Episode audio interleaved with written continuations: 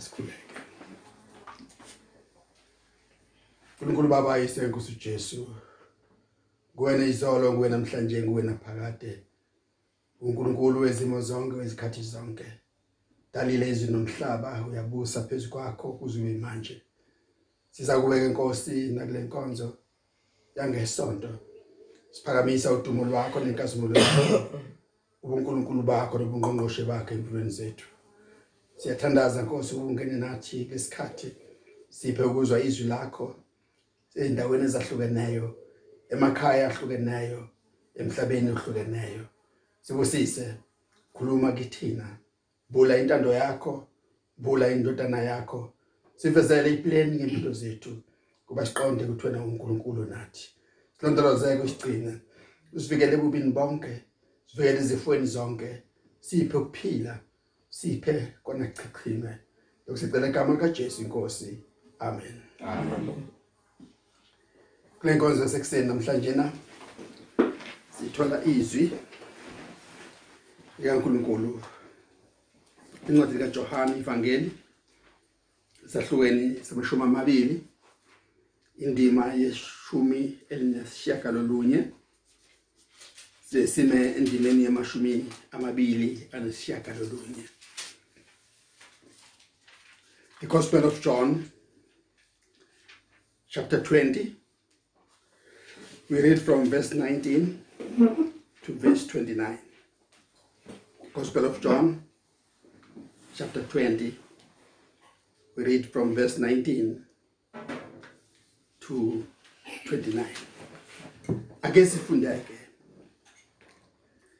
Kwathi ke kusihlwa ngalona lolo suku olokuqala lweviki iminyango ivaliwe lapho abafundi bekhona ngokwesaba abaJuda. uJesu wafika wema phakathi kwabo wathi kubo ukuthula makube kinina. Eseshilo lokho wabakhombisa izandla zakhe nohlangothi lwakhe.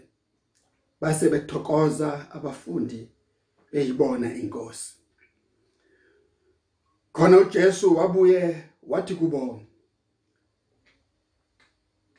ukuthula makube kinina. Njengokuba ubaba engithumile mina nami ngiyanithuma nina. Kwathi ukuba asho njalo wabaphephetha wathi kubo yamukelani umoya ongcwele. Enibathethelelayo enibathethelela izono zabo bathethelelwe. Nenibabamba ngazo babanjiwe. Kepha uThomas omunye kwabayishumi nambili othiwa nguDidimu wayengekho kubo mhla efika uJesu. Ngakho ke abanye abafundi bathi kuye sibonile inkosi.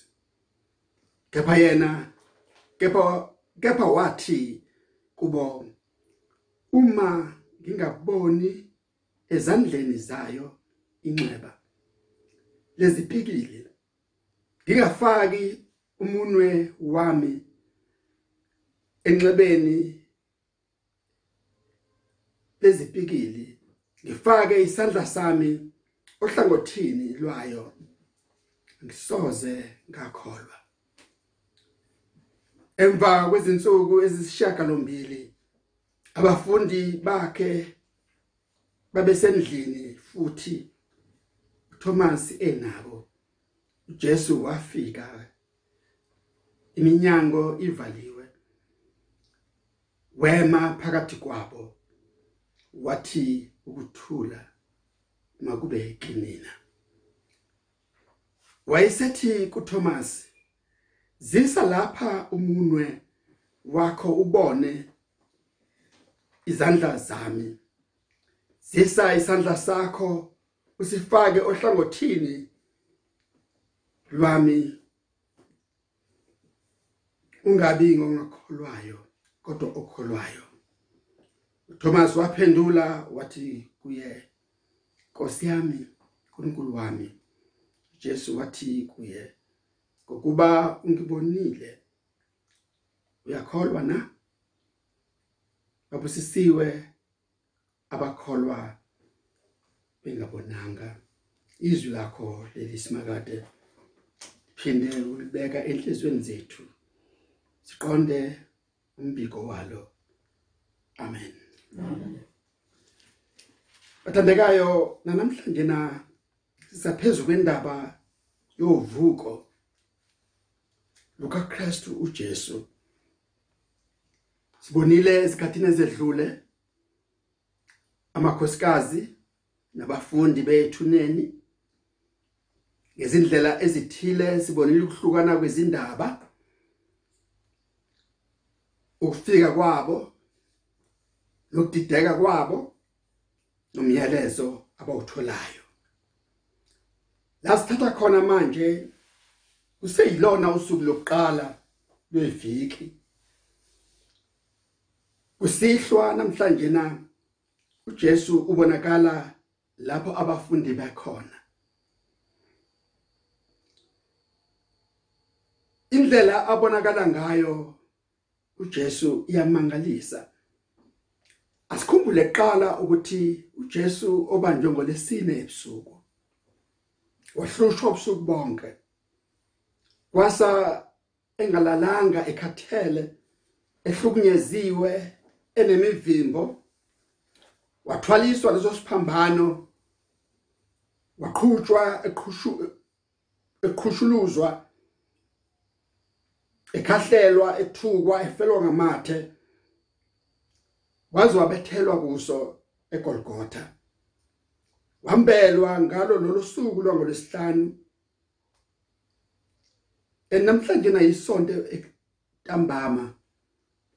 Ekseni bafika ethuneni engasekho. Enibathola umyalezo ukuthi uvukile akakho lapha. Ngawulunye uhlangothi Maria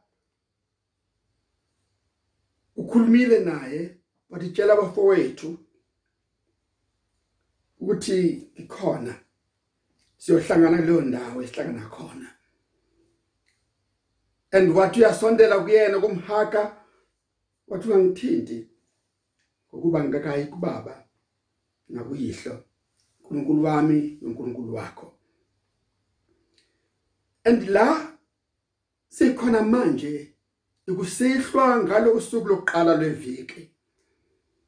Abafundi bahlele endlini bavala iminyango bakhiyile.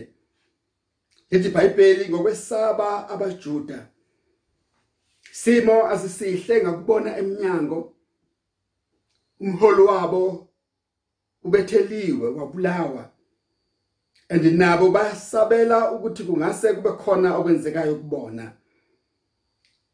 Ngakho bevala iminyango bengaphakathi endlini bekhiyile. And uJesu uyabonakala phakathi kwabo. Asiqaphele lokhu ukuthi kulesikhathi uJesu evukile simo sempilo yakhe nomzimba wakhe siphethe kokubili ubuNkulunkulu bakhe nobuntu bakhe.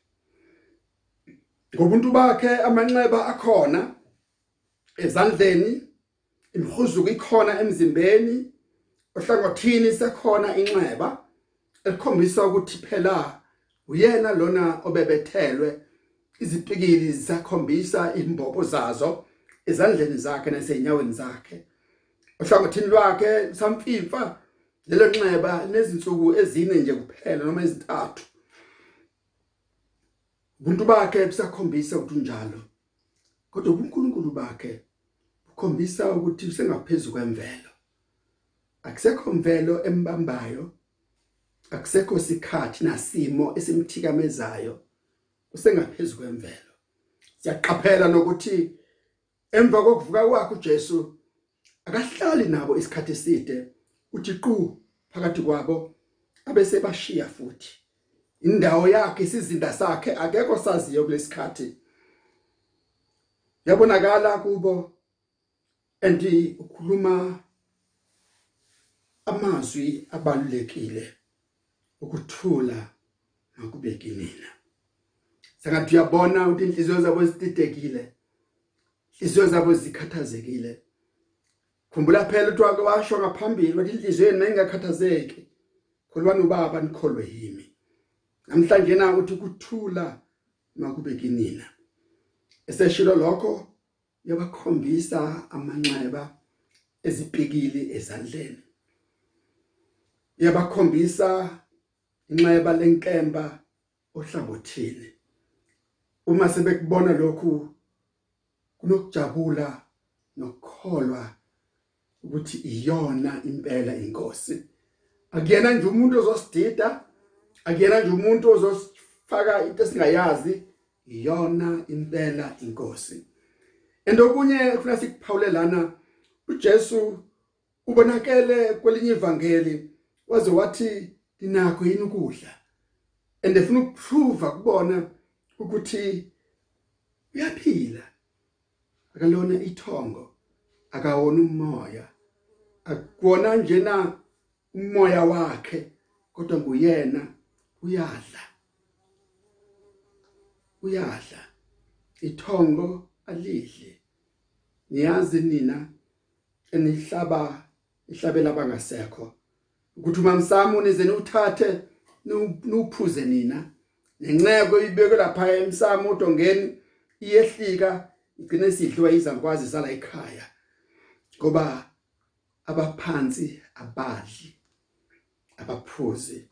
Jesu unomzimba odlayo nomzimba wangempela kodwa umzimba ongcwele. Khombisa amanxeba ezipikili nxeba ohlangothini and uma sebakhombisile lokhu uJesu uyaphinda futhi uthi ukuthula makubekini njengokuba ubaba engithumile mina nami ngiyanithuma egameni lokuqala ebabingelela ngokuthula befuna ukuthulisa inhliziyo zabo baqonde ukuthi uyena impela bakhombisa umaka noma masikazi noma manxeba izibazi zezipikili izibazi zokushaywa izibazi zenkemba ohlangothini yabakhombisa kona. Uma sebethobile sebevuma ukuthi yiyona inkosi ngena endabeni yesibili ukuthula makubekeni. Njengoba ubaba enithumile nami ngiyanithuma. Thuma abafundi bakhe uJesu. Bathumile ngezikhathi ezingaphambili kade bahamba ngababili. Bashumayele emizini. Babuya ngelilanga bancoma bathi hey namadimoni ayasithobela. Enamhlanje na ubathuma bonke. Baba ungithumile nami ngiyanithuma.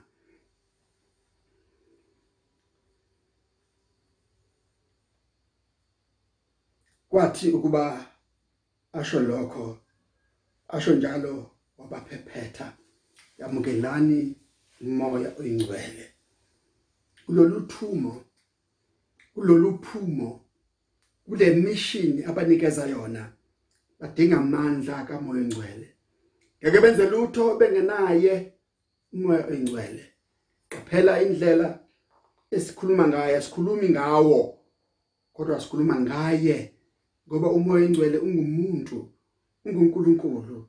Akayona into akusona isikhwishi khwishi nesiphepho esemnyango. Kodwa ungumuntu bayamdinga bayamdinga ayi bayawudinga bayamdinga umoya oyingcwele. Andubanikeza amandla namagunya obekungawakhe khumbula ukuthi ukhulume nendoda ebigula wathi indoda uthethelele izono zakho. Thabatha uhlaka lwakho uhambe. Kwamangala abantu ukuthi ubani lo namandla okuthethelela ngaphandle kaNkuluNkulu.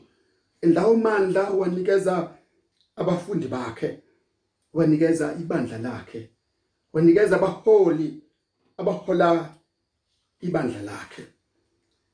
Enibathethelelayo izono zabo bathethelelwe.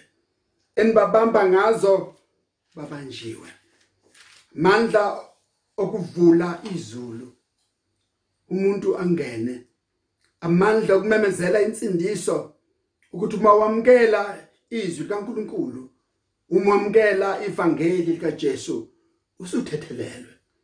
Ukuthi ububani izolo ukuthi ubewenzani izolo ukuthi ubuhamba phi izolo uphila kanjani izolo kodwa ukusiphakamisa kwakho isandla ukusukuma kwakho uze ngaphambili ukumukela kwakho uJesu ukwenza umuntu othethelelwe ukwenza ube isidalwa esisha. Khumbula amazwi aPaula athi uma umuntu ekuKristu Jesu uyisidalwa esisha okwaqala kudlulile sekuvela ukusha enibathethelelayo bathethelelwe kodwa enibabambayo ngazo babanjiwe abangaphili eqinisweni levangeli abangaphili ekuzinikeleni kwangempela abahamba ngezintando zabo bekhohlisa bezenzisa basala ngaphandle ngoba bengakholwanga.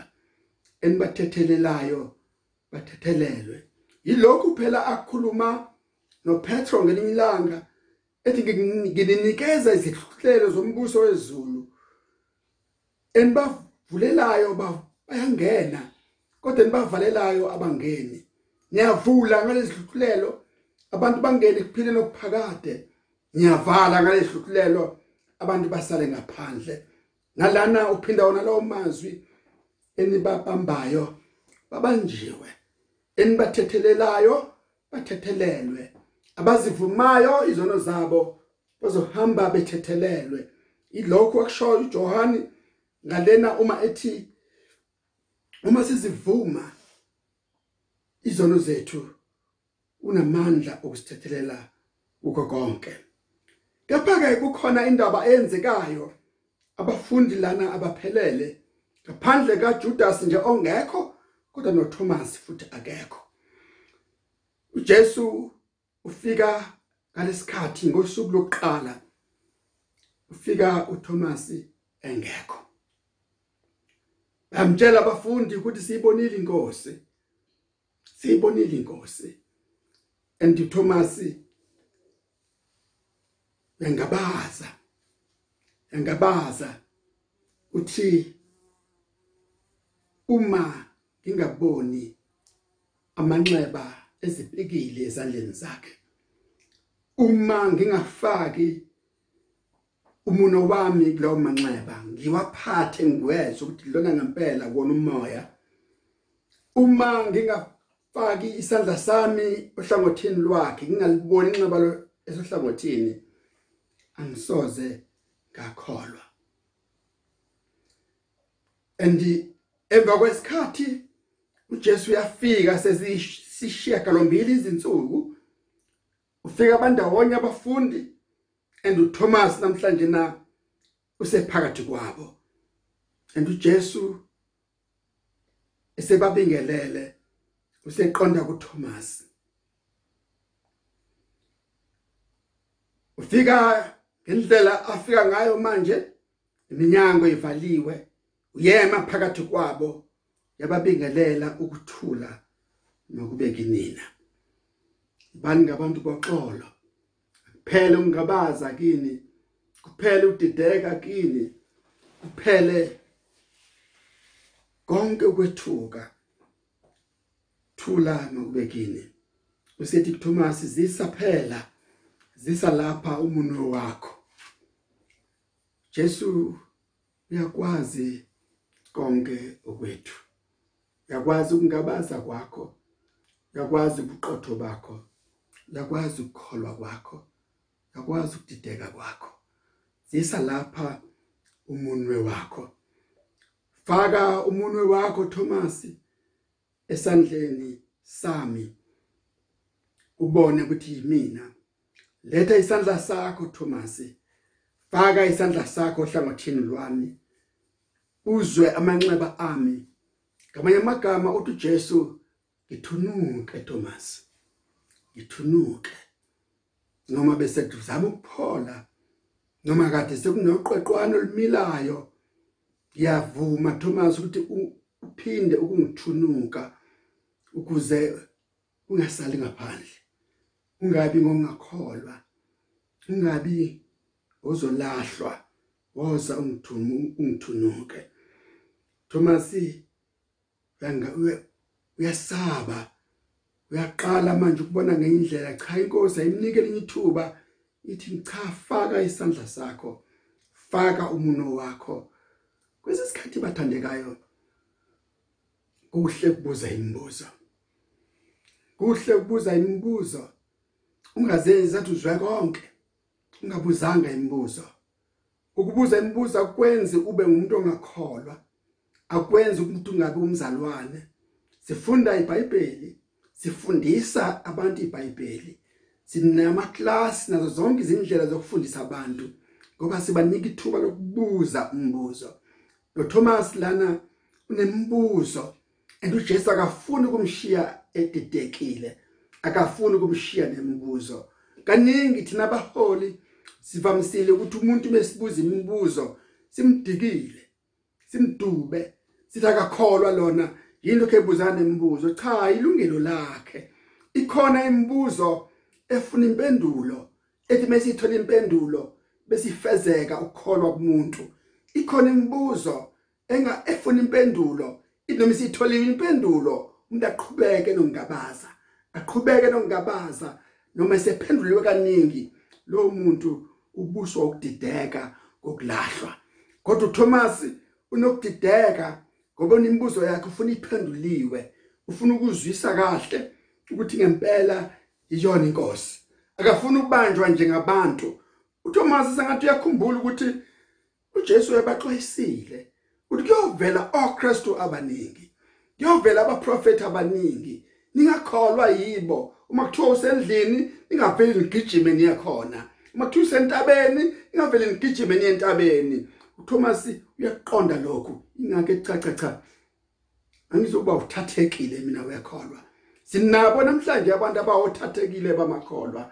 Abakhonjwa ngapha nangapha. Umuntu agcina engasayazi inkonzo akhonza kuyona ngoba uthathwa leya muntu. Uthathwa leya ministry uthathwa leya leya ndoda uthathwa leya muntu wesifazane. Yonke indawo le ithatheka khona uyangena. Gcina ngasazazi ukuthi ukhonzaphi ukhonzwa yikhonzani ukhonza kanjani. Andilokhu Thomas akubalekelayo ngifuna ukubona ukuthi iyona yini inkosi. And uJesu uthi uzobona uzobona uzobona Thomas ungabi ngongakholwa. Nanti igama elikhulu namhlanje na ungabi ngongakholwa ungabi ngongakholwa. Ilokho abafundi akade bemfunela kona uThomas insuku ezo8 engabonakali bayamfuna bafowabo ukuthi wagcina ngalesa sikhathi sidla usihlwa iphasika nenkosi isekhona emva kwaloko sikubonanga mhlawumbe naphakathi kwethu kule lockdown esikuyona kunabazalwane abangazi ukuthi kuyakhulekwa ngamasonto abangazi kuyakhulekwa abangazi kule lockdown sinezwi lezijumayelo okufanele sizilalele sinamazwi okufanele sikhuthazane ngawo. Kodwa wena njengomzalwane khumbuza umuntu khumbuza omunye uthi sihlala phansi ngalesikhathi sivule amafoni ethu sithathe inkonzo emoyeni sizwe izwi wagcina nini sagcina lesikhathi asikubona ukhomenta asikubona kwigroup asikubona indawo asizwa lutho ngawe. Kwenze njani ngawe we Thomas? Bayambuyisa abanye abantu. Isho njalo iBhayibheli ukuthi uma umuntu edideka ambuyiseni nabakamoya ngomoya obuzalwane namhlanje uThomas uhlangana nenkosi uqobo. Nenkosi iyambuyisa ungabi ngongakholwa bazalwane nasingabi ngabangakholwa. Angathi makuphela le lockdown angathi makuphela lesisifo usale wena ungakholwanga. Angathi makudlula lezi insuku zokuhlaselwa kwebandla lapho ibandla livaleleke ezindlini kube sengathi alikho libe likhona. Angathi makudlula lezi insuku lizidlule nawe. Kuthi noma sebebuya bazalwane sebehlangana wena ubonakali. Wena walimala wasala. Wasala la wasala khona. Ungabi ngongakholwa kodwa okholwayo. Umyalezo kaJesu loyo kuThomas. Thomas uyavuma ukuthi uJesu uyinkosi yakhe uthi uJesu uNkulunkulu wakhe. Uthi umbonile manje siyakholwa na? Babusisiwe abakholwa bengabonanga. Amadoda amabili agijime aphuthume ethuneni engabonanga lutho. Ezwile ngabesifazane ezwile ngabantu besifazane ukuthi uJesu asimthole ethuneni. Abantu babuthanile bahlala ndawonye ngoba uJesu ebayalezile ukuthi tshelana abafowethu ohlangana kuleyo ndawo. Abangahlakazeki sohlangana babuthana babuthana andilana bafica uJesu bandawonye bezomyalezo. Babusisiwe abakholwa bengabonanga. Ncwadini yamaHebheru sahlukene seshume elinanye 11 indima yokuqala verse 1 kuthiwa khona ukukholwa kokuqiniseka izinto ezethenjwayo kuyiqiniso ngezinto ezingabonwayo. Wabusisiwe abakholwa bengabonanga. Nangalesikhathi uJesu akekho phakathi kwethu komzimba wakhe kodwa ukhona phakathi kwethu komoya wakhe. Asikholwe. Ukuthi unathi unathi lezi zinsuku ezinzima zokuhlaselwa komhlaba wonke unathi kulomkhuhlane okhona obhubhisa abantu unathi sivaleleke emakhaya unathi sishonelwa unathi sezimweni zonke unathi sezinhlungwini unathi unathi unathi uJesu. Asikholweni. Singabazi asikholweni. Babusisiwe abakholwa bengabonanga. Uyakholwa yilokhu na? Amen. Amen. Sisize inkosi Jesu usiphe ukukholwa kwiqiniso. Singabi ngabangabazayo kodwa sikholwe. Futhi nakulesivunguvungu esibhekene naso wena ukhona. Noma ngabe kuthuli kuthethu kodwa wena unathi lembuzo esizibuza yona ngalomkhuhlana ngalesifo. Asikholwe inkosi ukuthi wena uzoba uNkulunkulu uzosiphebeza uzosihlangulisa. Uzophephetha ngomoya wakho ukuba inkosi yami sibuyele olwandle singathinti izimpilo zabangcwele bakho. Siyakhuleka ke sahlele emakhaya ukuthi usiphe ukukholwa. Ungezuphela ukuzodlula nalesi simo uqhubekele phambili. Siphe ukukholwa okumiyo okuphume okuphikelelayo ngezikhathi zonke. Iba nabazalwane emakhaya abo benesizungu sokukhonza wena. Belangazelele ubaziphelele izinsuku babuye bezokukhonza belangazelele ukuphelele ukugula baqinise ukukholwa kwabo ngezwi lakho. Yiba nabo emakhaya abo. Yiba nalabo nkosi abagulayo yiba nalabo kade bekhweza nezolo beshiwe izihlobo zabo. Yiba nabo bonke yiba nomhlaba wonke. Yiba nezwe lakithi siphe ukuhlala phansi sizothe setshise izwi lakho udlule lesisikhathi udlule lesisimo esiphazi kwaso esiphakathi kwethu. Sibusiseke. Busisa abahlengikazi abakhathazekile ngezimpilo zabagulayo abanovalo ngemindeni yabo nangabo uqobo odokotela ngokunjalo nabaphathi bonke bezempilo nabaholi bezwe lakithi sibabeke esandleni sakho. Ukuthi ube nabo bonke egameni likaKristu inkosi. Amen. Amen.